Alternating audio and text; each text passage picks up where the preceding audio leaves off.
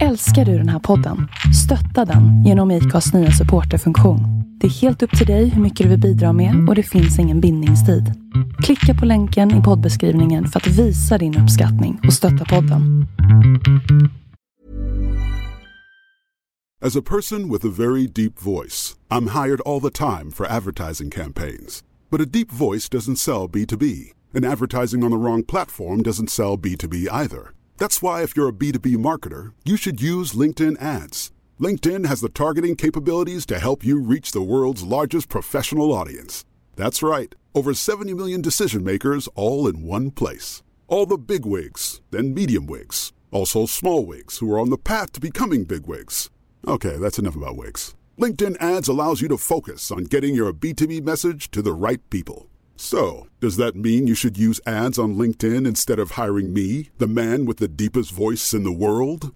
Yes. Yes, it does. Get started today and see why LinkedIn is the place to be to be. We'll even give you a $100 credit on your next campaign. Go to linkedin.com slash results to claim your credit. That's linkedin.com slash results. Terms and conditions apply.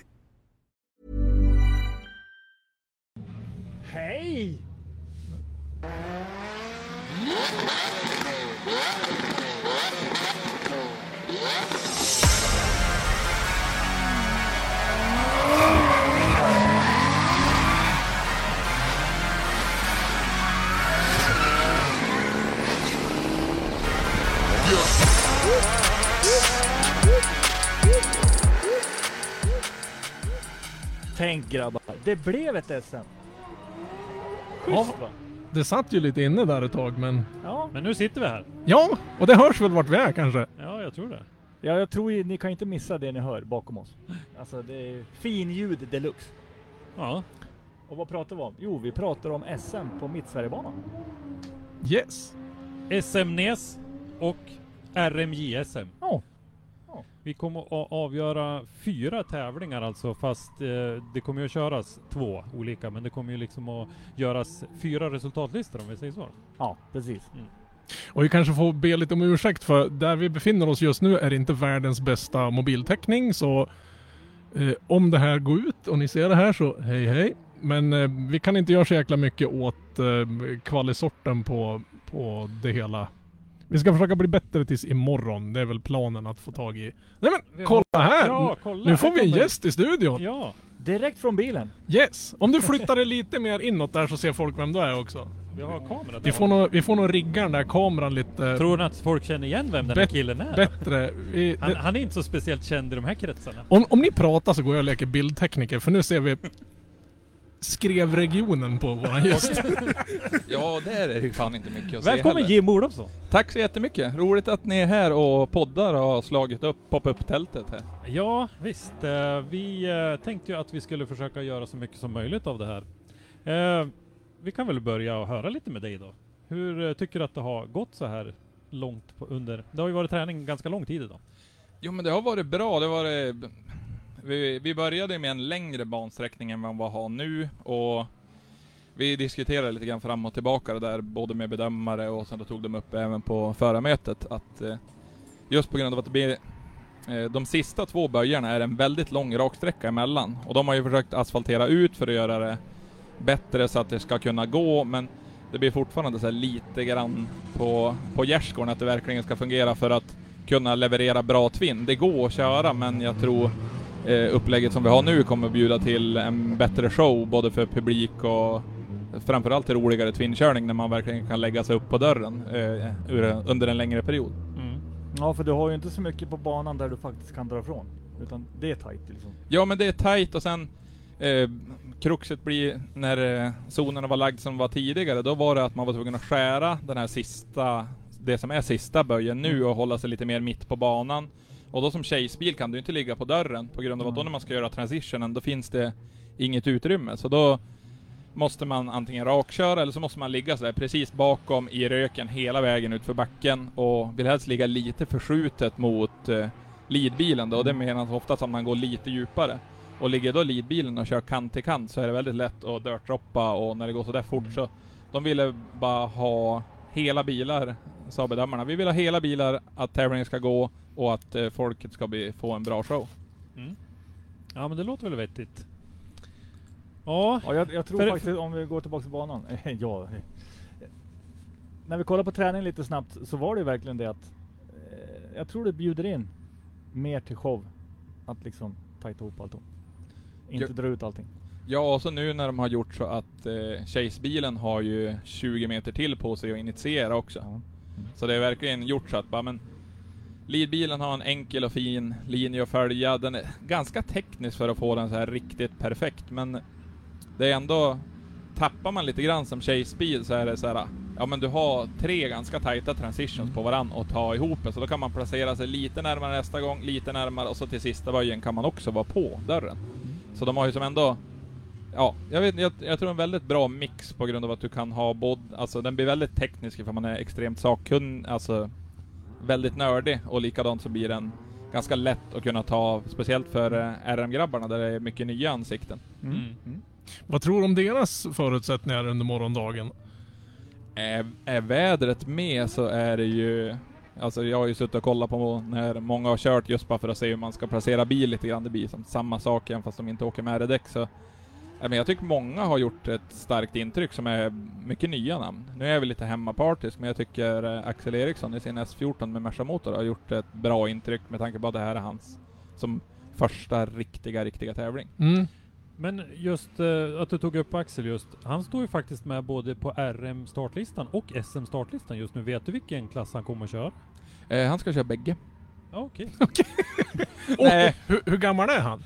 Är han under 25? ja, han är under 25. Så han ska köra alla tre man. Så han ska köra RM, SM och Junior-SM? Ja, nej, så han köpte ju mina gamla R-däck från i fjol, eh, Ceylon-däcken som han har köpt bara för att han vill, han vill ju så fort, så fort som möjligt komma upp och köra Mm. eh, SM. Och så då tänkte han i år bara, ja men ifall man ändå placerar sig någorlunda bra på kvalet och åker ut i en topp 16, då har han ju möjlighet att bli då är han ju automatiskt med och får köra SM nästa år, för det är ju alltid topp 16 som får köra SM. Ja, ja men precis.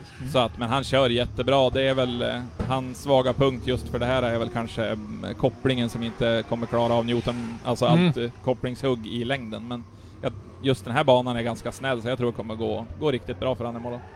Jo, de har ju ändrat en hel del på banan under dagen som du sa tidigare. Vad, hur, hur övrigt liksom med banlayout och så. De har inte kört den här vändan på den här banan tidigare. Det är ju liksom en, en helt ny bana för alla inblandade. Hur liksom... Vad ska man säga, om du ger den ett betyg från 1 till 10 och där 10 är bäst, vad liksom hamnar den på? I, i förhållandevis till förutsättningarna, vad, vad hamnar den någonstans? Eh, alltså jag skulle vilja säga att det här är väl typ en sjua där någonstans. Det skulle gå att få kanske en eh, jämnare, eh, hur ska vi säga, entry så att man vet exakt hur alla gör, för här är det lite mera fritt. Mm. Och sen då är det vissa övergångar som blir lite knixiga, kanske dragit ut radien lite grann mellan eh, zon 3 och upp till zon 4 som blir den stora, alltså just det. Men det är ju bara små bagatellsaker, men alltså just med tanke på vad de har att utgå ifrån så har de gjort ett jättebra jobb och likadant Mittsverigebanan har gjort ett väldigt stort lyft sen vi var tidigare. Ja, jo, Ja. Den, den banan. Vi, vi är väl kanske lite partiska vi också. Vi, det här är väl hemma så att säga, men de har ju lagt ner, plöjt ner några sjuka mängder pengar. Menar, där vi sitter nu var det ju grus för några år sedan. Nu sitter vi på asfalt. Hela depån är väl asfalterad och det liksom har ju vuxit upp och blivit en, en bra bana helt enkelt. Ja, och sen då ifall de ser att det finns intresse här och vi tycker om banan, så då vill de arrangera mer tävlingar. Mm. Ifall förbundet fortsätter att driva SM så ja, då ska de ju komma hit. De har ju redan hintat om att mm, nästa år i slutet på maj så kommer Ja, de köra en gång till. Jag hörde någon Ja. liten sån grej. Men det, det var ju bara lite rykte, men det är ju ingenting spikat än. Men Nej. Men, men- alltså de, de hintar ju redan om det nu och det är ju ett tecken på att de är drivna och vill ha Mm. hit eh, Absolut. körning. Och det, och det är ju det här att, att våga satsa pengar i det också. Att man kan få att vi kör ett kanske två eller tre år.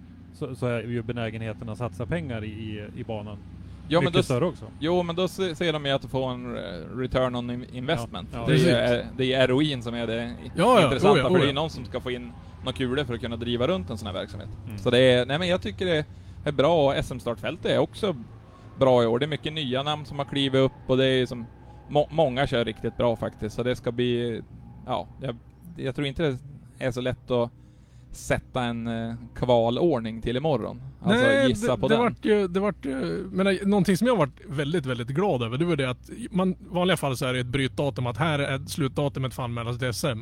Och det var ju sådana som anmälde sig i går eller förrgår som dök upp här i morse. Så en eh, Grindberg dök upp här i morse. Jag tänkte, jag har bara sett fronten på en gul bil som har stuckit ut och tänkte fan det är någon som har samma färg på sin bil som Grindberg har. För jag såg aldrig när han kom.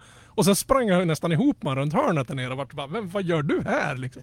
Ja, när de bestämde sig som i sista minuten, eh, vi pratade lite grann fram och tillbaka om ifall de skulle kom, komma upp och så bara ja, ah, men, äh, men vi, vi åker. och så när de var på väg upp så hade de ju något strul så de blev ju som lite sena också men eh, han är också riktigt taggad. Han, det är ju likadant som jag gör där. Det är ju mest för att få mer körträning och mer och så just få vara här och testa banan nu när de har investerat i den så Mm. att man kan ha en åsikt när vi själv gör egna event. Så det är Ja, ju bara precis. svinkul att det händer med saker i Norrland också. Ja, men då säger det att det kommer fler och fler förare som håller nu vill man inte racka ner på de andra som, som är för mig, mig ganska okända men som, han har ju levererat, han har ju vunnit tävlingar och det är liksom roligare när det dyker upp flera sådana. Det blir en hårdare strid. Ja, ja, men precis. Då blir det som... Det, det var ju några som sa bara ja men det är Sveriges lättaste SM-guld, men jag vet inte ifall det är så jäkla lätt med det här startfältet. helt plötsligt Det så... gäller ju att allting liksom klaffar på en dag. Du har Ja. inte en säsong på Det, det. det vi har sagt är att du kan inte ta ett billigare SM-guld än det här. Och det grundar vi ju på att det är ju en tävling. Ja, i alla fall Så- i drifting.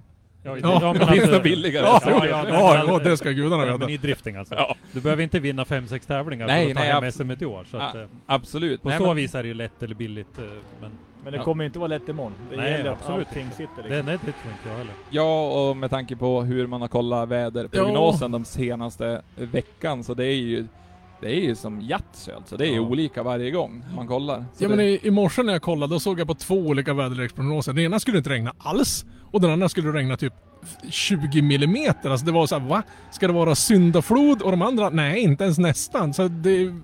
Jag och vet, så kollar man alla där bara, längst till höger där det står så här bara säker, osäker Ja. eller tveksam. Ja. Och så bara tveksamt på allt. ja, man det är såhär kaffes, kaffesump eller kycklingben. Det är det de har använt och tagit fram väderleksprognosen i. Ja, nej men så, och, jag tror det kommer att bli väldigt bra. Har ni, eh, hur har det för, alltså just nu mediabitsmässigt nu med nya bansträckningen, finns det bra spots att stå, stå Ja. på? Så? Jag hittade ett, Ja, ja. jag, jag gick upp och så ställde jag mig uppe i, vad blir det? Det blir... Det är som en, när man går ut på den gamla startmålrakan. Ja, det, I innern där, står det där så behöver det inte gå en meter till. Det var, du kan fota dem när de kommer emot dig, när du ligger på sidan om, när de, när de du får framifrån twin-körning, snett bak. Alltså ett ställe kan du fota alla vinklar du någonsin vill på en bil. Så där kommer jag nog bo imorgon.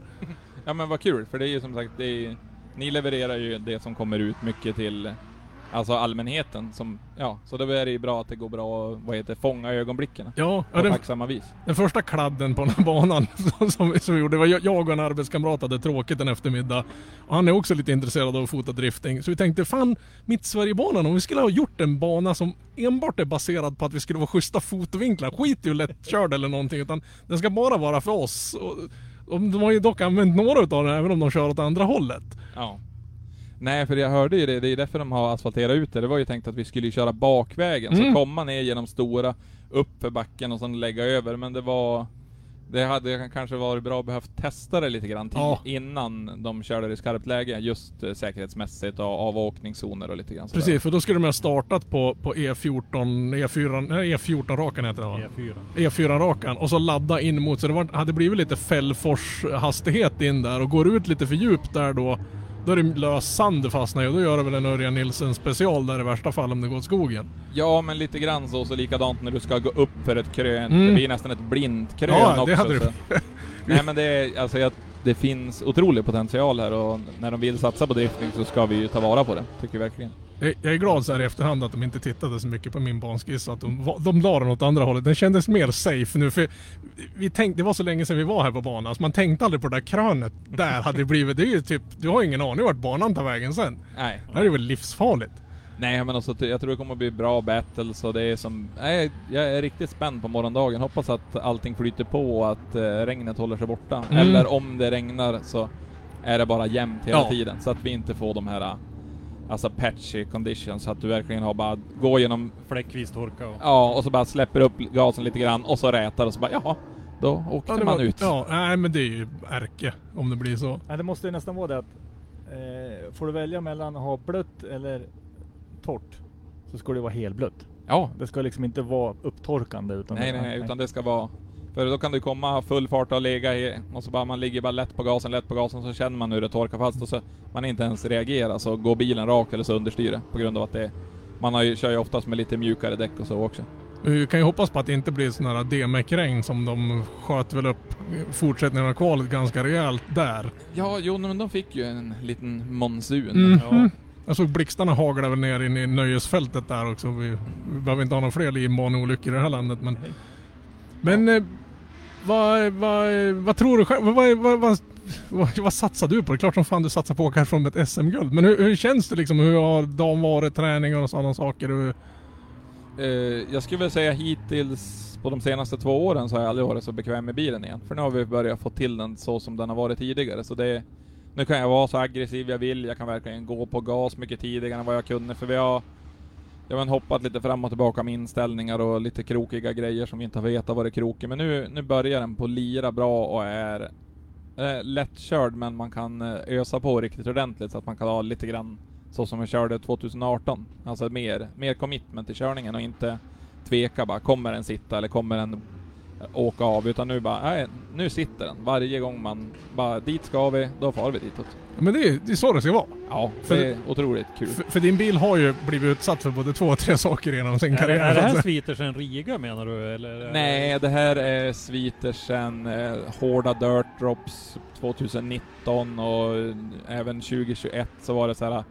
Det var en bärarm som hade typ vikit sig lite grann på en- ett ställe som, ja det syns inte på grund av det är typ ett naturligt väck där och sen då var det Även infästningarna hade gett sig lite grann så att eh, Alltså det var en liten spricka i det men när vi började på stressa på det mycket och så eh, filma då såg vi att det, ja, det glepade ju lite grann så när vi försökte köra så mycket toe-in som möjligt eh, med de gamla grejerna så då, då hade vi en millimeter toe ut. Jaha.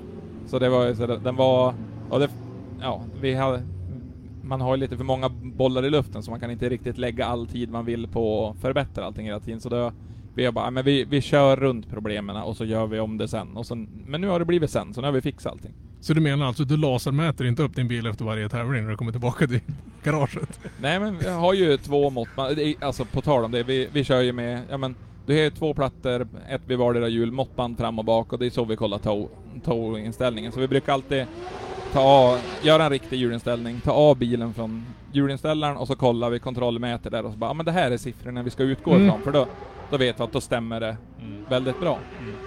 Och ja, vi höll ju på, var på någon tävling och så bara, men alltså det, Alltså vi skruvade, det, bara, det, det stämde ingenting. Vi fattar inte. Det var som fel och vi bara kollade, alltså visuellt så stämmer det inte. Nej men då var det ju eh, ett måttband som den här lilla metallpluppen som är längst ut, Mm. den hade ju en nit försvunnit på, så den gick ju ut så här, Jaha! var det 9 millimeter mer än den andra. så det var ju såhär bara, bara Ah, kung! okej, och så bara, det, det är därför den känns så jäkla skum. In, inget mer Kina mot band, vi ska ha ett riktigt... Ja men det är typ någon har klivit på det i farten eller någonting. Vi har ju stått och gjort samma sak, eh, vet jag med en annan bil också, så bara, nej det här stämmer inte. Nej men då var det ju att måttbandet tog ju precis i hans nybyggda tråg som var lite lägre. Ah, Okej! Sånt här bara, men hur, det är ju, det ska ju bara... Vad, trött, vad tröttsamt. Ja. Ja, men det är sådana bagatellsaker som kan göra en bil helt fruktansvärd att köra. Och som man ser det när man tittar i depåerna när det händer saker. Så, alltså det är ju ett tjog människor som är på bilen. Som Ja. bin. så jag menar, det, det händer snabbt. Ja, och då måste du ju sitta, då måste man ju ha de där grejerna invanda. Man vet vart man har sina grejer och man vet att de funkar. Ja, absolut. Det är ju som i, inom all motorsport eller an, all sport överlag. Det är, man ska ju ha koll på sitt material också. Mm. Tyvärr är det här materialet väldigt dyrt. Speciellt när alla är bara vanliga arbetare. Så det är ju som... Ja men, alla här trollar ju med knäna för att vara med och jag tycker det är otroligt kul att vi fick ett sånt bra startfält som det ändå är när det är så... Det blev ju så mycket stora andra tävlingar, både DMEC eh, i Finland, det går gatubil Rudskogen, alltså det, det är mycket stora grejer som händer runt om så det är, det är ändå bra att så många har kunnat vara här. Mm. Oh ja. Jag satt och pratade med, vi har suttit här och kikat lite på DMEC-kvalet här i vårat tält idag. Och då var Motornord hade sitt tält alldeles bredvid. Så jag satt och grillade Motornord-grabbarna. Vi har pratat mycket kostnader och liksom de har ju lite bra koll på vad, vad det är för budgetar och sånt en del DMEC-förare och sånt rör sig med. Och det är fascinerande man hör dem sitta och berätta, till exempel jämföra Kalle Rovanperä med, med några andra grabbar som, som bokstavligt talat eh, inte ens skulle ha råd att hålla Rovenpäres lunchbudget. Det var de har en hel säsongsbudget i förhållandevis. Men Ja. det går ju som sagt var bevisligen även på den nivån att köra eh, ganska hög nivå. Jag vet inte om det var Sirbas man hade som ett, ett exempel på en kille som inte har världens högsta budget. Och, Ja, jag tror det var... Vad hette han som var tvåa på Irland i fjol? Nu har jag tappat namnet på honom. Eh. Randaloo. Ja, Oliver Randall. Ja, jag, menar, jag tror även att det var Sirbo också. Visst, visst har han en gul-svart BMW va? Ja. Ja, och sa det att han har inte heller någon sån här vansinnesbudget jämfört med många andra, i, till exempel irländarna. Men ändå så lyckas han komma och leverera ändå. Och det är, liksom, det, det är lite det som är på något sätt tjusningen med den här sporten också. Att även om du har en budget på 10 miljoner så kan du få pisk av en kille med 40 000 i budget. Ja, men det är ju verkligen, alltså, det är ju det som...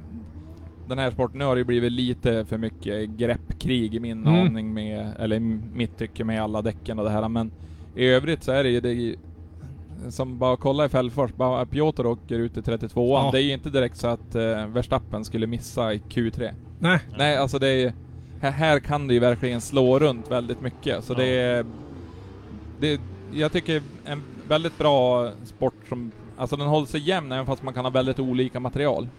Men tror du, du pratar om däcken där och det, det är liksom en liten, eh, så här, det, det är väl mycket väl, väldigt varierande åsikter om det. Tror du att sporten på, säger vi på SM-nivå skulle må bättre av att det fanns ett hårdare, tajtare reglemente när det gäller däck så att dels fick man en budgeten så att det inte vart det här greppkriget så att det vart jämnare för många så att säga. Skulle det hjälpa eh, sporten på, på SM-nivå säger vi till exempel?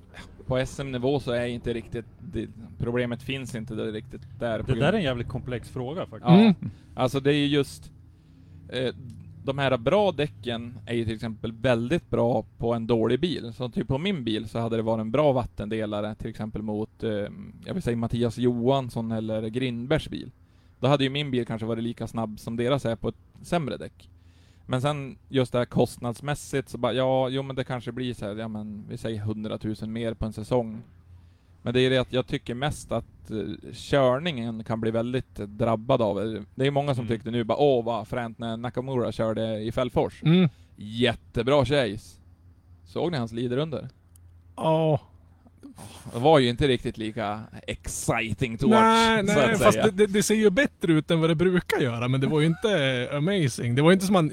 Jag stod inte och hoppade jämfort över dem, men, men hans chase-runda var ju Ja, jo men för han gick ju över på de här Valina SP-däcken, de som vi kör när det är blött, Mm. bara för att bilen ska kunna ens gå framåt. Och han gick ju ner en hel växel till, så det är ju som farten han hade när han passerade zon 3, det var precis det bilen klarade av. För han hasade nästan fram det, för det, det fanns ingenting mer att ge, för det var bara, Oj. det var slut på växel. För åkte han en pinne högre, då räcker inte däcken i två Ja, varv. För det är det Piotr har haft problem med också. Mm. Det är att när de kör kvalen, då kör de en pinne högre. Och sen när det är tävling, en pinne mindre.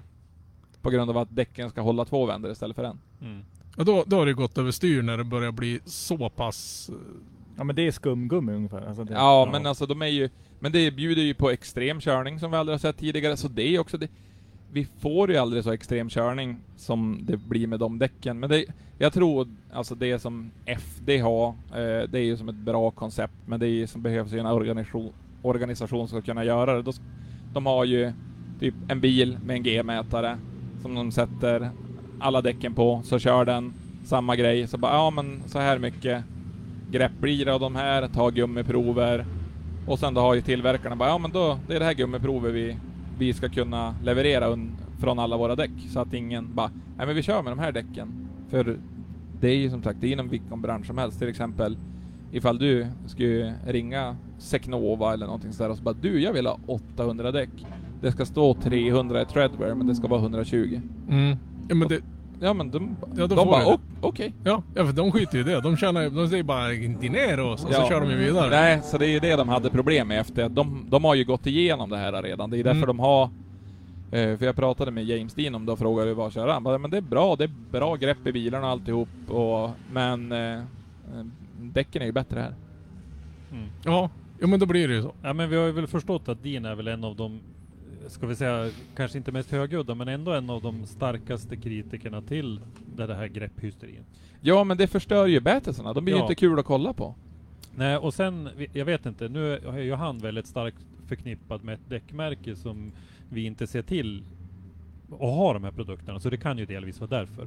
Men han, han är ju ändå ett väldigt tungt namn som är, är väldigt bra att ha med sig Ja, i den här diskussionen. Och han, han tog det ju bland annat i Garagehängs eh, podcast som vi pratade om även i förra avsnittet, att han, han, han skickade ju på en, en känga på det där att eh, det, det är inte hållbart, för det blir inte underhållande, det blir inte bra battles av det. Nej, och bilarna går sönder och det blir så Ja. extrema saker. För just nu så kan du ju som en, i stort sett en vanlig Svensson, köra SM och sen ta det upp till, till DMEC ifall du verkligen bara vill. Ja. Det, det är ju möjligt. I vilken annan motorsport skulle du kunna säga det som en vanlig Svensson? Bygga en rallycrossbil för att köra rallycross-EM. Det är ju bara att glömma. Det är ju Ja. två och en halv miljon. Ja, minst. Alltså det är så här, det, det här är ändå, det är en sån extremt bra sport så vi, vi är ju inte jävla vattendelare men det är ju som sagt, det här har ju aldrig, vi har ju aldrig varit här förut så vi vet ju inte hur man ska kunna hantera det. Men jag, jag tror alla organisationer jobbar åt rätt håll. Mm. Det jag menade, om jag ska förtydliga lite grann vad jag menar att det var en väldigt komplex fråga var att om vi börjar begränsa däckdimensioner och sånt där i SM så måste vi tänka på att tanken är ju ändå att, att toppskiktet i SM ska kliva vidare sen. Ja, Och att absolut. man behöver ha bil och man behöver ha lite vana med de däckvalen som finns i den serien som det är naturligt att hoppa till. Om man hoppar från SM till DMEC eller om man kanske går via eh, Scandinavian Drift Series eller vad man nu vill. Så, så finns det ju ändå mer att välja på. Så att jag tror att det finns en, det, ja, jag säger det, det är en Mm. komplex fråga. Ja, Ja, men det är därför jag menade just att jag tog upp det här med DMEC också. Det är ju bättre att de som organisation försöker stävja hysterin för dem. För då kommer Ja, ju alla an, anpassa sig Ja, efter det sen. För det är ju, jag tror det är nästa år, då kommer de här nya däckreglerna och där är ju på har du 285 så måste det vara 200 i treadwear, har du 265 så är det 160 treadwear som vi kör i eh, vad heter Scandinavian Drift Series Mm. nu. Mm. Kommer de inte ha någon viktklassning på däck? Alltså som, är det inte FD som har att väger din bil X mycket så får du ha så breda däck och så vidare? Precis, och sen då får du ha ett eh, du får ha visst mycket ballastvikt också, Mm. utöver, det är därför folk ofta säger dubbla batterier på grund av att de får kanske inte vikta bilen med så mycket lös vikt de vill, utan då kan de köra dubbla batterier och sånt istället. För då har du ändå en funktion. Ja, men precis. Ja. In, inga, inga vattenflaskor i dörrsidor och sånt där som Men- man hörde några spekulationer om från någon FD-tävling där men... Men du kan placera den vikten ganska fritt ändå. Liksom. Ja, ja, absolut. Du kan ju eh, ja, men, blya bakvagnsbryggan, för då är det ju väldigt bra ställe vikten Mm. ligger. Ja men till exempel sådana saker, det är ju det gamla rallycross-knep. Jo ja, oh ja. Så att det finns... Eh, Man skruvar inte in dem i taket i alla fall. nej, nej, nej, nej, nej, men det är alltså om, om ni vill se uppfinningsrika lösningar så ska ni kolla på gamla rallycrossbilar. Oh ja. Eh, ni tittare, gå in och så söker ni på Gruskalle och sen då när han beskrivs hans olika bilar. Det är det mest uppfinningsrika. Han hade en domkraft mellan sätena för att göra bilen högre fram, så då efter starten, då släppte han domkraften. För då var det någon hydraulledning, så Ja. då blev bilen lite lägre fram, Ja. för då stämde det ju bättre med viktbalansen. Det, det finns så mycket, jag menar under den, vad ska man säga, 70, 80 och bit in på 90-talet var det såna djävulska byggen i rallycrossvärlden så det finns ingen hejd. Ja men det är ju som... eh, Det är ju bara att kolla på FD. Varför, jag undrar varför de tog bort att man inte får aktiv fjädring där. Jo Mm. men typ eh, Denofa hade ju en gömd kompressor med vad heter och luftbälgar. Så när han skulle köra sina eh, lidrunder då släppte han ju så bilen var hur lättkörd som helst och sen då tog han ju bara bort luften därifrån så då blev han ju snabbare. Ja. Sam, samtidigt... Teknikens under. Ja men samtidigt så... Jag menar... Ja det är klart, alla har inte råd och har inte den tekniska utvecklingen som de kan köra med sådana saker. Men alltså... Ja men också vill de ju att bilarna ska bete sig likadant varje jo, gång. Ja i och för sig. Du ska inte egentligen kunna få, få ändra den från chase till lead egentligen så. Nej. Det var ju, de hade ju även gjort så att eh, bi, bilarna, för det stod ju i reglementet att eh, bromsen ska gå till eh, två hjul. Mm. Och då när de körde bankade banor så när du hade på broms, ja då bromsade han bara på högersidan, så vänsterhjulet som låg och släpade Ah. tog ju knappt i backen. Eller var ju inget motstånd på, så Ja, då nej, kunde nej. de ha mer fart. Mm. Likadant så har de haft krängarna så att de lyfter hjulet, för ifall du lyfter hjulet så har du inget släp Nej, på det nej, andra nej. hjulet, så då är du snabbare i sidled. Det, det finns mycket teorier och Ja, mycket men det, det var ju mycket grejer. snack också om någon styrvinkelmäte, sensorer och grejer som kunde känna av din hjulvinkel i förhållandevis till gaspådrag och ena och det sjunde. För sånt går ju att mäta och, kom, och liksom justera så att bilen beter sig. Du har visst mycket effekt vid vissa hjulvinklar och blada, blada, blada. Så, så det, det finns ju inga begränsningar där egentligen om man inte Det är sätter... tekniken så. Ja, nej, men precis. Utan, men sen är det ju till att föraren ska lära sig att köra med det där. Ja, Ja, men det är ju det är många som gör det. Det är speciellt även när du har en quick change eh, bakaxel också. Nu, det här blir så här lite, verkligen deep Ja, diving här. det. Men eh, ifall vi har en bana som vi säger att eh, vi tar vi, vi tar en bana där du har tre likadana stora böjar. Så du kan åka på en växel hela vägen. Och så bara, ja men då kör du så att, ja men nu den här utväxlingen blir perfekt här. Och så bara, ja, skruvar vi på mer fäste, mer fäste, mer fäste. Och så bara, ja men vi vill att han ska ändå kunna bygga lite mer fart. Och så bara, ja men vi ställer ner varvstoppen lite grann. För då blir, kommer ju varvstoppen, ifall man ställer ner den lite, så att man precis går och slår i den hela tiden, så blir det nästan som en traction control. För då Mm. ligger han ju som konstant och, och Ah. försöker tugga fast sig. Så det, det finns folk som håller på att testa jättemycket och labba med sånt där. Det är därför eh, det är sån stor skillnad. Desto högre serie du åker, så ifall du lyssnar på varvstoppen så blir de mer och mer bara så, så att det blir, de de flyter bara ut. Det blir inte det där hårda. Nej, nej, På grund av att varje gång du går i varvstoppen och den kanske diffar 300 varv, då blir det ju 300 varv i fart på hjulen bak Ja. också, så du får ju en väldigt stor alltså, variation på hjulhastigheten, Ja, så då blir ja, det ja. lättare att få wobber. Så det är därför det oftast blir, låter bara som att bilen inte orkar varva mer. Ah. Det känns som vi måste göra en sån här nörd, alltså en riktig jävla Ja. nördpodd. Jag vill höra den i alla fall. Ja, men, men- men det, en sak som jag har fu- funderat på länge nu. Eh, när vi går, du kör på en torr bana. Ja. Och sen så vänder vädret så blir det jätteblött. Mm. Hur mycket, du behöver inte säga vilka inställningar du gör, men hur mycket inställningar gör teamen på bilen innan man åker ut? Det är ju olika också i och för sig men. Alltså, jag testar lite grann olika saker. Förut åkte jag med lägre däck- däcktryck överlag framför att jag inte hade R-däck. Så då pumpar vi alltid upp däcken lite grann så att eh, mönstret ska slå hårdare i asfalten och trycka undan vattnet. Mm. Eh, det gamla tänket för att göra bak, det är att man, man sänker däcktrycket så lågt man törs. Nu har ju även många team börjat gå att man går upp i däcktryck istället för att trycka undan vattnet när det finns så pass klibbiga däck. Och sen, då, de flesta, de många gör det att de släpper ju på kompressionen ganska ordentligt. Mm. Alltså de får Eh, ner, ja. Ja, bo, både kompressionen och på rebounden så att du, du låter fjädern mer jobba så att den, den har inget mothåll och då kommer du få långsammare chassireaktioner och då har ju hjulet längre tid på sig att jo, alltså Ja. utan att jobba utan att känna av att chassit rör sig. Mm.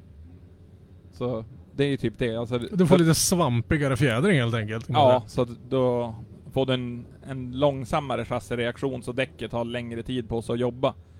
Är det torrt så vill man ju ha en snabb Mm. chassireaktion så att den slår fast däcket och så sitter kvar där. Då, då vill man inte stå på line-upen och se att det börjar regna med andra ord. Ja men som på min bil eller många andras bilar, det är ju som, ja man har en däck, vet man att det är dåligt väder, man har med sig en, eh, en däcktrycksklocka ut och sen då bara, ah, okej, ja men då drar vi fyra klick på kompressioner och rebound och så bara sänker vi ett halvt kilo till Ja, det på går däcken. fort ändå. Ja. Ja. Om du skulle, du som är, du är ju gammal i gamet och rutinerad, om du skulle gå här i depån och titta, hur, hur pass väl skulle du säga att teamen har koll på de här grejerna generellt? M- många betydligt mer än vissa andra, men det är som man försöker, alltså jag försöker vara väldigt öppen och skola ganska bra även på på Youtube är vi väldigt transparenta med allting vi gör med bilen Absolut, och med absolut. inställningar. För jag tror att har folk mer koll så får vi mer bättre battles och folk har grejer som håller ihop så att vi kan höja nivån ännu mer. Speciellt nu ifall vi kan få svensk drifting att bli ännu eh, vassare på att bedöma på linjen. På grund av att det är linjen som inbjuder bra chase. Mm. Så, men Många är kanske är så här bara jäkligt duktiga på att fixa till en framvagn, men de har jättedålig koll på att få kopplingen eller motorn att lira. Så det är så här, man, man har ju lite grann det man är duktig på. Själv var, kunde man ju ingenting när man började, så man har ju bara fått lära sig väldigt mycket och vi var ju ett väldigt bra gäng som var väldigt öppna med varandra. Både jag, Fredrik Sjödin, eh, Alexander Granlund och vi var väldigt duktiga på att berätta vad vi gjorde och även när vi var ute och testade på träningarna så att bara, men vad är det egentligen som ger? Så att man inte Mm. bara, ja men nu har jag gjort det här. Och så har den andra kanske gjort någonting så att hans bil blev sämre och så man bara, åh min blev jättesnabb. Men den kanske inte blev snabbare, det var bara han som var långsammare. Mm. Ja. Man vill ha en konstant att testa mot, det är det som är... De som kör dragrace har det ju så jäkla bra. De har ju den där klockan. Ja, Och så är det bara... ja det, här. det är ju lite jobbigt, även om vi skulle kunna sätta en klocka här, men då är ingen nytta av den när du kommer till nästa bana så att säga. Nej, och likadant träffade du zonen exakt rätt varje Ja, gång. ja, Har det var den fan. repeterbarheten i kroppen. Ja, Nej. och hur mycket mer gummi hade det byggts upp i den zonen från repa 1 till repa 17 och så, ja. Ja. Nej, men just det här med greppet, vi, vi är ju lite förespråkare för att vi tycker att där finns det ganska mycket att hämta om man tittar generellt. Tittar vi motorer och sådär så eh, motoreffektshysterin har väl lagt sig lite grann i alla fall. Ja, jo men Och- den och- har det ju gjort, För, absolut. för det finns mer att göra på, på greppsidan. Sen tycker ju vi att det har ju hänt ganska mycket på, på materialet de senaste åren. Vi, du pratade lite om quick change eh, diff nyss, har ju blivit ganska vanligt. Eh, för att det är viktigt att hitta rätt utväxling för att kunna köra bra. Eh, växellådor har det väl hänt en del också? Ja, alltså vi, vi har ju som sagt försökt undvika att köpa en sån här dyr låda bara för att det är dyrt och vi vill lägga pengarna på att köra bil. Men eh, nu har vi ju fått krypa till korset och köpa en, men nu köpte vi en billigare variant, men verkar fungera. He, alltså för oss har den fungerat klockrent. Och just det här med utväxlingen, det är ju bara så att man ska kunna sätta banorna. Som oftast när du har kört SM och sånt där, ja men då kan man ju kompromissa lite grann i alla fall. Mm. Men kommer du då ut i världen, den st- stora vida, eller ifall du nu kör Scandinavian Drift så är det sån här nästan alla har det också. Så det är liksom, ja men jag behöver 20 kilometer till på den här växeln och inte 60 kilometer till som det är på nästa växel. Ja. Så det bara, ja men då är det ju bara att driva om eller med sig en till diff. Och det gör ju också att kopplingen mår bättre, växellådan har inte lika Mm. stressigt. Så det är my- mycket sånt som gör det... Alltså att man kan leverera, för det, det är det allting handlar om, leverera jävligt bra lido också, att man kan bjuda, bjuda upp till bra körning. Mm. Men du kör med den här finska lådan va? Ja, det är byggt i ett BMW-hus och det är väl det som är den svaga länken, att det är byggt i ett gjutet BMW-hus och sen har de rivit ut allting, satt in dubbla, ja men som lagerhus in i den också som är skruvade i huset så att den... Eh, och sen då fördelen också när du har en eh, rakskuren låda, då har Eir bara raka drev, så jämfört med när du har snedskuret så blir det mycket belastning på dem, så vill Mm. ju de ifrån varandra. Mm. Rakskurna vill ju inte det, så det är att husen spricker. Så jag vet inte hur många hus jag har spräckt på grund av att det har blivit Alltså huset rår inte för att hålla kvar stockarna så att de sviktar och så kliver dreven på varandra och så är det bara över. Mm. Mm. Nej, men det är intressant tycker jag också att det finns eh, eh, alternativ till, vi pratar Samsonas eller Holmor med dyra säcklådorna, men att eh, det finns hållbara alternativ som är liksom, om vi säger relativt prisvärda då, åtminstone billiga, är väl ett, inte ett ord jag skulle använda kanske. nej, nej men precis, och det är ju det som vi har haft lite problem med tidigare också. Jag vet men när jag lyssnar på er har ni sagt att jag brukar ha haft lite effekt också, på grund av att det inte riktigt har funkat. Men det har ju oftast varit, det är ju utväxlingsfrågan, för det är ju som när vi körde Fällfors i fjol och vi sa att eh, vi hade problem med, vi fick en till där nere för det gick så tungt. Då körde vi ändå, vi har aldrig kört så mycket laddtryck om, i mellanregistret, och sist vi hade så där mycket laddtryck på mellanregistret, då gav den ungefär 930 på hjulen. Ja, det är ju inte lite effekt. Det är ju för fan sjukligt egentligen. Ja, så ni ser bara, så nu har vi ju ställt ner den, så nu kör vi ungefär, när vi körde Fällfors nu så körde vi ungefär 750 på hjulen. Och sen då var det så bara att växeln funkade istället. Ja, och det var ja, ju som att skära i smör. Mm. Så det är just alltså, utväxlingen är så mycket viktigare än vad många tror också. Ja, ja, ja. Och det Ja, har... det är den som sköter kraften. Så Ja, det- men alltså, jag har ju varit jätteignorant mot det där. Bara, nej men det går bra. Det är bara två banor som vi inte har utväxling för. ja. Och så nu man bara... Vad har jag Ja. hållit på med? Men, men, men om vi nu fortsätter, för det här vart ju en nördpodd, den handlar väldigt lite om drifting SM, men det vart en nördpodd. Men, men dem, jag är en dämparnörd. Det, Mm. det har, har jag väl inte direkt stuckit under stolen med. Men förr, när jag klev in och började följa den här sporten, då var det mycket, nästan Kina-coils. Alltså det var ju crap. Alltså det är saker jag inte skulle vilja ha på åkgräsklipparen hemma, som en del åkte runt med. Men nu har det ju liksom, nu verkar det som att, att sporten har förstått vikten av bra väghållning också, alltså dämpare. Folk lägger ner mycket tid och pengar. Behöver kanske inte alla köra Öhlins, men det finns ju alternativ där också. Men, men hur tycker du liksom att, att sporten har utvecklats dämparmässigt och hur mycket tid man lägger ner på, på den typen av setup? Eh, folk har jättefina grejer, oftast två eller trevägsjustering. Och det är jättebra, men det är jättesvårt att hålla koll på. Alltså Ja. det är, och så det är, det är när det är så dyrt för oss att testa. Det är som, ifall man köper... nu har ju vi gått ifrån KV-dämparna och åker BC bakifrån J-spec. Och han är ju lika snabb på de här dämparna som kostade 8000 kronor jämfört med de andra som kostade 9000 per ben. Mm. Och de här kanske är lättare att justera, du Ja, får ett snabbare ja, resultat och du hittar, alltså- kan diala in den mycket snabbare. Ja, så nu har vi ju sagt det att nu ska vi få den så snabb och lättkörd vi kan med de här dämparna och så bara, när vi är nöjda med det, då ska vi ta en testdag och så ska vi fara till, vi kommer fara till Pengfors eller ifall vi kommer fara hit. Och så kommer vi ta fram KV-dämparna och så ska vi sätta på dem och så ska vi se hur mycket vi behöver justera dem för att få bilen lika lättkörd och Mhm. lika snabb. Och sen då bara, ja, hur mycket mer kan vi ta på de här dämparna då? Så bara, ja, men kan vi få 20% till, då absolut, då kan vi, då kommer vi gå över till dem. Men ser vi att det är bara lättare för oss att skruva bort oss jämfört med bara en skruv uppåt och neråt och sen då för vi vill oftast inte röra dämparna så mycket när vi kommer till en bana. Det är ju oftast, har du en snabbare bana kör man den lite, lite hårdare bara för att den ska bli lite mer följsam. Men annars är det bara, eh, man släpper mest bara däcktryck. Man går upp på lite högre från början och så sänker man eftersom. Det som många tror jag skulle må nyttigt av också, det är ju att köra med krängningshämmare mer. Mm. För jag har ju haft det till och från och så nu har vi gått tillbaka till det och nu bara, bara ja men bilen är ju, nu har vi som konsekvent testa och den blir mycket mer lättkörd både fram och likadant. Eh, vi kör ingen bak nu för att vi behöver allt framåtgrepp vi kan få. För tar du bort en krängare bak så det är egentligen som händer, direkt du trycker på gasen så vill bilen räta. Så du måste vara extremt bestämd med din bil. Så ser ni en bil som till exempel kör efter en mur och så går den på gas så vill den som räta upp lite grann och sen lägger den på vinkel igen. Har du en krängare så kan du oftast bara gasa på mer så ökar du vinkel istället. Ja, hemma är med och stoppar upp det där. Ja men precis, du får ju att bägge hjulen Mm. jobbar med varandra och så får bilen blir ju inom parentes lite hårdare för att bägge fjädrarna jobbar ju med varandra istället för att jobba individuellt. Men det där är, alltså det, det, man kan ju surra om det här i timtal.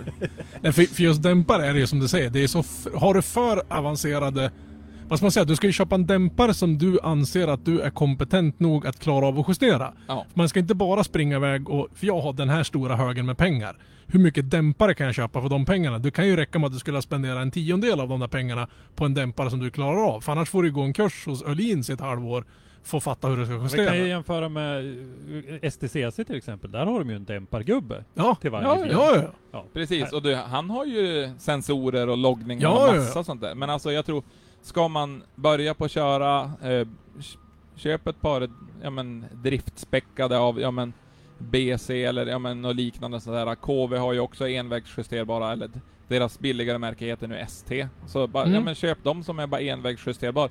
Och, och när det inte räcker till i grepp och du har maxa däcken, ja men då, Då kanske du, ja, då kan du, du kan få 8-10% till på nästa uppdatering. Men då har du ju maxat allting annat redan. Och det viktigaste av allt är, för guds skull, om du ens funderar på att skaffa ett par dämpare, skaffa ett block och en penna också. Och skriv upp det du gör. För vi har ju hört några skräckhistorier om eh, inte nämna några namn, men hyfsat kända förare som helt plötsligt hade... Jo, och tänk på att vissa dämpare kan ju vara höger och vänsterdämpare så du... När du lo- lossar den ena så kanske du tajtar den andra. Håll rätt på det så ni inte har en dämpare som är full... Lätt rebound och den andra är spetthård. Det blir jävligt skumt då. Funkar Ja. kanske i ovalracing, inte så mycket i drifting kanske. Nej men jag tror det, det jag skruvar bort mig hur många gånger som Ja, helst på men- mina KV-dämpare. Så många gånger så hade vi nog mått mycket bättre av att ha sådana här dämpare vi har nu och sen då bara förlita oss till att man, man åker med ett, ett bra däck. Mm. Mm. Sen har vi faktiskt så här, människan är ju av naturen så att finns det att skruva på så kommer alla börja skruva. Skojar Och sen skruvar man Ja, ja, ja. Det är så. Nej men och speciellt om det börjar bli att det händer någonting, bilen gör inte som man vill och sådär och så börjar det bli lite lätt panikkänsla och då, då vill man vara där och, Ja. och försöka göra någonting. Ja, absolut. Det, det jag tror alla i Sverige skulle må bra av, men det är som sagt, det är ju, vi har ju inte möjlighet till att göra det många av oss. Det är ju att man skulle göra som alla som kör motocross eller alla som eh, cyklar och grejar mycket. Det är såhär bara, nej men ikväll ska vi fara och träna och halva träningen det går ut på att vi testar två olika settings och då Ja. har vi skrivit ner dem. Japp. Kändes det här bra? Varför gjorde det det? Mm. Och vad kan man göra få det bättre? Ja. Nej men det, Ja, ja men det, det är det. Men tyvärr så är det här... Ja, det här, dagen som vi har nu, nu när vi är på Mittsverigebanan, för det är ju faktiskt det vi ska prata om, för det är faktiskt drifting SM-final och Åh fan, JSM-final. åh fan. Ja. Ja, det är ju att nu har de ju, på grund av att vi blev lite få anmälda, dragit ihop tävlingen lite grann, men fredagen är fortfarande, vi har åtta timmar träning. Mm. Jag, jag skojar och sa det att. Ja, alltså åtta timmar träning. det är helt Vi, sjukt. jag tror vi är 16 eller 18 i SM och de är typ 8 i RM. Du kan ju säga det att under, när, när DMX kval drog igång, Ja. då, då dog aktiviteten på banan här. Det, det, det är så mycket träning, det är så mycket träningstid så man kan ta sig tid ett par timmar och sätta sig och titta på en annan tävlingskval. Jo men och så och, har man ju... fortfar- och fortfarande, vad är det nu? Nu, är klockan, ja, nu har de bara en halvtimmes träningstid kvar så vi kanske... Jo men och så har man ju Tänk, tänkte du möjlighet att- träna mer? Så vi Ja. sitter och stör dig nu eller? Nej men har möjlighet att labba också. Ja. Just därför. Ja. Kommer men- du på en tävling så bara, den här settingen vet vi är bra. Vi håller oss bara till däcken och så gör vi ingenting annat. På grund av att då kanske man förstör ett träningspass och, ja men, eh, jag vet de här värsta skräckexemplen när vi var och körde till exempel nu när de är och kör i Finland, det är ju samma sak. Du kan ha en bil på banan och sen då måste den ut och sen får nästa köra in. Alltså, Mm. Du kan inte ha lite flow i körningen när det inte är en rundbanekörning. Jag tror det var när, när vi kraschade bilen ganska or- ordentligt i eh, plock, när vi körde i speedway-arenan. Då, då hade vi fyra timmar träning och den som körde mest fick tre varv. Mm. Jaha. Ja, det är ingenting egentligen. Nej, Nej. de flesta fick två. Mm. Ja, här- idag känns det som att det är däckbudgeten och fysiken på föraren som sätter stopp till hur mycket du orkar träna i stort sett. Jo men precis, jo man, man, man luktar ju som ett fotbollslag här under just nu. Det är ju, som, det är ju ja, ja eller ett... eh, eh, Min sambo sa det, det luktar som när man gick in på de här datorteken. Ja, ja men lite, lite så, lite så är det. Ja. Nej, men vi, vi, Datoteksparfymen. ja, vi får väl hoppas att vädret håller i sig hyfsat imorgon så att vi får... För hur är det nu liksom? Nu, nu har ni tränat på torrt idag. Ja. Om det skulle smälla till nu och regna, hur mycket nytta av träningen har ni haft? Ja men man har punkten att kolla efter, man vet åt vilket håll man ska. Alltså det är ju...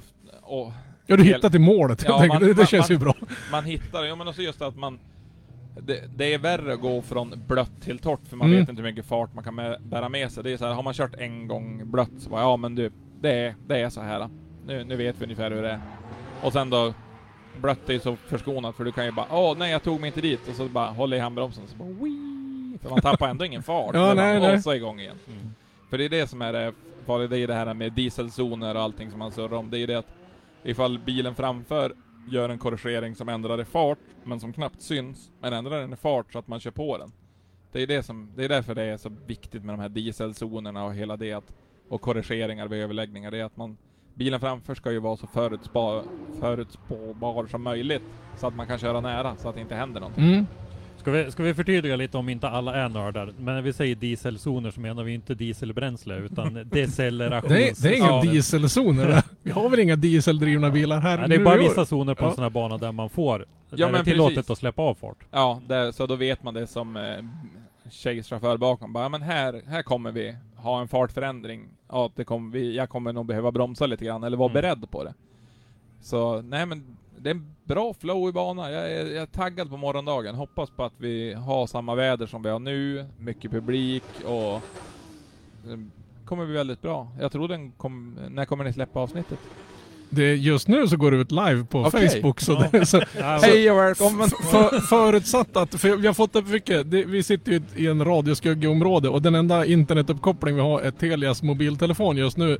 Och vi har fått en del varningar om att eh, den säger att rekommenderad nyckelbildhastighet är 1. Nyckelbildhastighet 2-4 ger lite lagg. Så det här kommer nog vara en jävligt hackig podd. Men vi kommer även att släppa den ljudinspelade podden Förutsatt att alla sådana tekniska saker, den slänger jag väl ut på en gång när jag kommer hem, antar jag. Ja, ja, men äh, alla som bor, i alla fall, jag, jag skulle säga mellan Gävle och Kiruna har möjlighet till att se jävligt bra drifting imorgon. Ja, för det, det vi har sett nu på träningarna här så när jag, när jag kollade banan i morse och de förklarade att hur starten skulle gå till, tänkte men, men kommer det inte bli en jätteseparation hejsan tjosan? Men då förklarade de det att, som du sa att Chase-bilen har längre tid på sig att Ja. initiera. Man har 30 meter till. Ja, och det man sett nu har det varit faktiskt, under träningen har det varit faktiskt jäkligt tight twin-körning. Jag har blivit jävligt imponerad. Jo, ja, jag har ju lyckats både putta bort eh, kofångaren bak på både Grimbergs och en där det står showtime på sidan. Så Ja, man ja. bara, Förlåt grabbar, men Nej, det men- hände en grej. Nej, Jag, jag tror faktiskt att det här kommer bli en riktigt kul tävling imorgon. Och även om det skulle börja regna så är ju den enda banan lutar ju. Ja, ja. Så det kommer ju rinna bort vatten så det kommer kanske inte ligga så mycket stående vatten på banan eftersom i stort sett det är väl bara sista kurvan som är någorlunda plan så att säga. Sen är det ju en uppförs... Det är en hill climb där nästan. Ja men faktiskt, det är, det är det som jag tycker har varit så, så roligt just med utmaningen på den här banan, att det är så mycket höjdskillnader. Mm. Så, men jag kollade ju på någon film ifrån tornet och man bara, man tycker att det händer, det är så intensivt i bilen och så kollar man på film och så bara Fan vad tråkigt det där såg ut. Ja, jo. Ja, Vi var lite förvånade över när man, när man kom upp här och ska gå ut på startmålrakan igen längs den här däckmuren. Det är en fruktansvärd hastighetssänkning där. Ja. Den ser väldigt... eh, Ja det ser ju ut som vi parkerar, Ja, men det är näst- så här, man försöker hålla igång den Ja. hela tiden, så bara uppför, man bara kom igen bilen, du kan!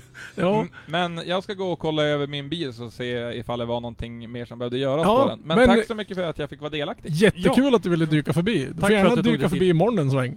Vi, det löser vi säkert. Ja, gött! Ha det! Så, det var in det. Ja, Ja, nu, nu gick ju han som kunde något. ja, vad fan ska vi göra? Men då får vi gå tillbaks till killgissa. Ja, det är väl det vi pysslar med. Ja, jag varnar ju för det. Jag hoppas att det här vart en podd som gick ut vettigt. Vi ska försöka få ordning på våran uppkoppling imorgon. Det har varit lite svajigt med wifi och grejer. Vi får se vad vi kan lyckas med. Det kanske inte blir en bild eh, videopodd imorgon om det här hackar allt för mycket. Får se vad vi Nej. hittar för någon lösning. Däremot så kommer det komma ut en ljudpodd. Ja, det ska vi. Om vi I värsta fall blir det bara en ljudpodd. Eller er, för er skull kanske det är bättre med en ljudpodd än, än som sagt var. Det finns ju en anledning till att hålla på med podd och inte med TV. Nej, kön, kön att komma hit och bli fotograferad med oss idag har ju varit ganska Ja, kort. ja. Jag har faktiskt fått vara med på en selfie. Det var jätte, Nej, jag var jättepinsamt. berätta mer! Nej, nej, nej. Jag gick förbi depån. Det, det, jag har ingen aning vem det var. Det såg ut att vara en, om vi kallar det för en civilist. Så bara Ja. kolla, de där är med i driftpodden och så vill han ta en selfie. Så jag är hemskt ledsen att det där hände. Ja, nej men det... Robban är vårt ansikte utåt. Ja, åh gud. Tydligen. Ja. Åh gud vad Ja, åh gud vad synd. Ja, precis. Jag måste säga, vi fick ju till en liten, vi har ju våran Kimpa fick ju vara med Ja. även idag då. Ja, våra maskot. Ja.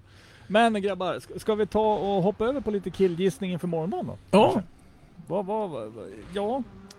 Tänkte du om det blir en tävling eller inte? det, eller vad det ska- tror jag det Nej, blir. tävling blir det nog, men eh, alltså vi har ju några namn som faktiskt redan på träningen snabbt visade att alltså, de är vassa.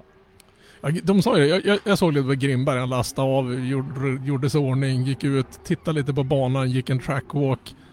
Och sen länkar den fan ihop hela banan som man, för, för första försöket som man inte hade varit annat än att vara här och tävla hela veckan liksom. Ja, ja, ja. Tänker du avkräva oss en, Nej. en, eh, topp tre eller? Nej, jag har min samma policy som vanligt. Jag tänker inte gissa på någon av de Ja, förarna som är... I got the balls. ja, jag har också det. Eh, topp tre. Jag tänker mig... Eh, eh, Mattias Johansson. Mattias eh, Johansson tar vi. Vi tar eh, Jim Olofsson, kändes eh, självsäker och Alfred Grindberg, tror jag. Mm. Jag tror Olofsson, Grindberg...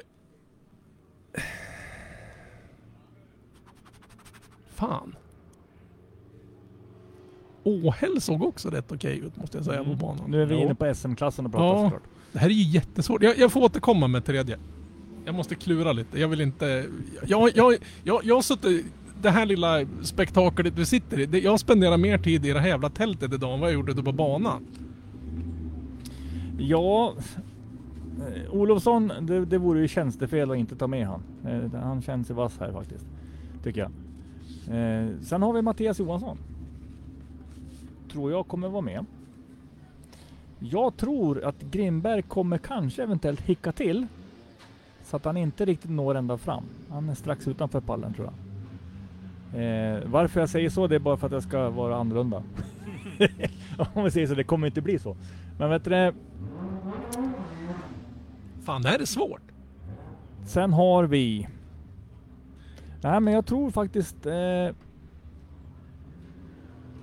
Alltså du har ju, du har ju ett gäng här. Du, vi pratar Ja, Åhäll, faktiskt- Westring, Du kan- Jim Nordqvist. Du kan få Eh, startlista. här. Andreas Johansson, Martin Eriksson. Eh, hade lite problem med Ja. växellådan Ja. hörde jag förut. Eh, men nej men jag, jag säger så här, Olofsson. Jag vill, vill sä- också tillägga att har vi någon inbördesrang eller, här- eller här är bara random topp tre? Okej, för jag, jag vill inte Ja. liksom sortera de här i Nej, någon jävla nej. ordning. Det var det jag ville vara säker på. Så jag, inte, nej, pall, jag, pall. jag, jag vill våga gå igenom depån imorgon. Har ni sett de här grabbarna? De är inte små de här. Ja. Ja, nej. Jag tror faktiskt så här. Eh, inte inbördes ordning, men, men Olofsson. Skedsmo. Eriksson. Martin Eriksson. Det är fan svårt. Ja visst, jag måste komma Fast då pratar du resultat i tävlingen i stort. För Skedsmo ska ju, han är ju norrman och ska bara vara Ja, det, tävla alltså, i ja, NES. ja, det är Ja, inte själva han, SM. han blir ju utan- inte placerad i SM Nej. för det. Nej. Och då lägger Fast- jag lägger in min lilla stänkare att då kommer faktiskt Grindberg med på pallen. Ja. I SM. jag, jag tror ju faktiskt att Albert kan vara med. Ja, men Al Albert är vass, det Hur, vet hur vi. är det med Alberts rem? det, han har ingen rem nu. Han har en turbo. Han turbo? Ja, och så kör han med det kupéfläktstryck i den där ta mig fan. Jaha. Jättemycket vrid, hyfsat med effekt, inget laddtryck. Men var han inte nöjd med att fara omkring med 300 hästar Nej, ut- det var utan, det han inte var, utan Nu, nu har han ju typ såna här hiskeliga vridmoment och sjuka hästkrafter och det såg... Han hade inte kört så jävla mycket i år. Så, så han, han har inte hunnit... Han tyckte att jag har inte kört så mycket på R-däck och jag har knappt kört så mycket med den här bilen. Men det jag har sett av honom idag... Och den låter... Fy fan vilket gött ljud han har i bilen nu. Så Eh. nej, jag, jag slänger in honom i min topp tre där.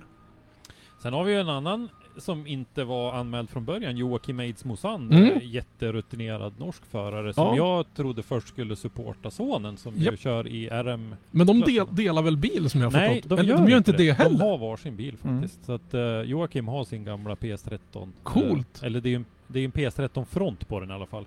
Ja det eh, där kan man, Jag tänker ja, aldrig ens nej, försöka men, mig eh, på det där. Frankenstein. Och Ja. eh, sonen har en eh, vanlig S13. Så det är tre norska förare med. Ja, Skedsmo och så två stycken Eidsmo Sand. Och eh, den yngsta är 15 Nej. Ja. men är det inte fyra då? Är det fyra? Eh, Den här, Måste, jag vet inte han om då, Maurius eh, Andresevic eller någonting. Ja, han, han är ju också norrman. Ja, ja, ja, för sjutton. Han kör för MK Solar. ja precis. Kör en E E46 M3. Just det.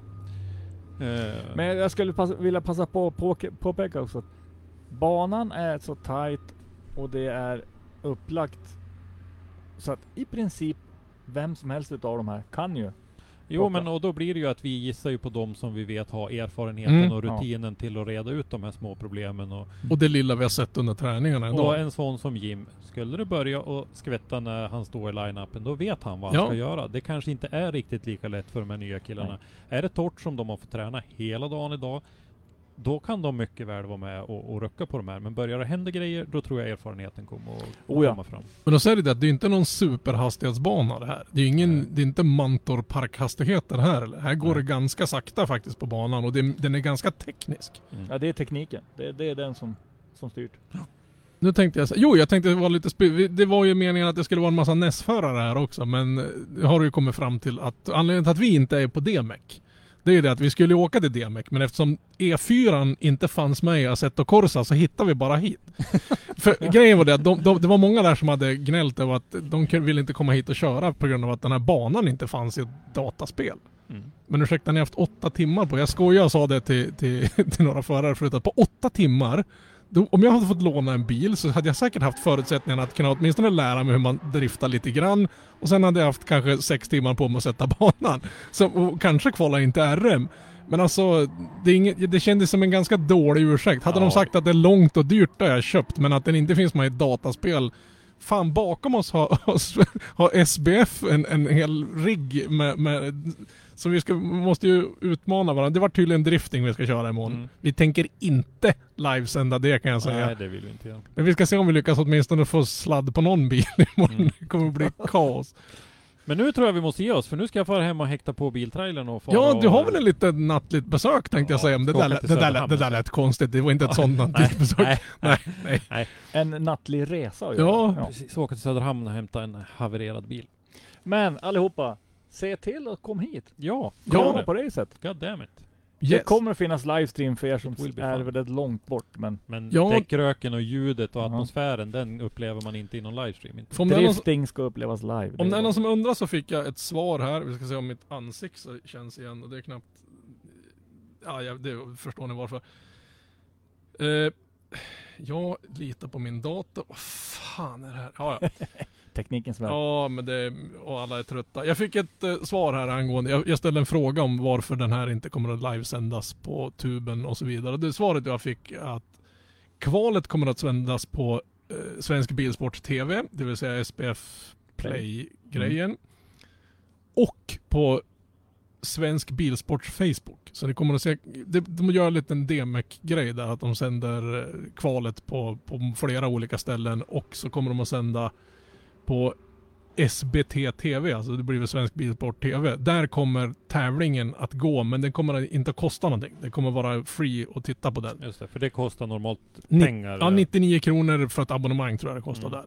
Så ni kommer att kunna se tävlingen imorgon live gratis. Det väl... Och de har väl uppdaterat den här plattformen sen det hette Oh, ja, SPF ja, Play, det, att, det eh, går ju inte att jämföra med den där klenoden när vi höll på med Driftzone och Nej, sände, för, för det att, var ju eh, Så pinsamt. jag tänker att ni som lyssnar ska inte Nej. så, eh, avstå från att titta för att Nej, ni tror att det är den gamla Nej, nej det, det, det är ungefär som att titta på vilken annan streamingplattform Ja. som helst nu för tiden. Det, det håller jättehög, det är bra bitrate. Jag, jag tillhör de där gamfarbröderna som tittar på lite rallycross ibland.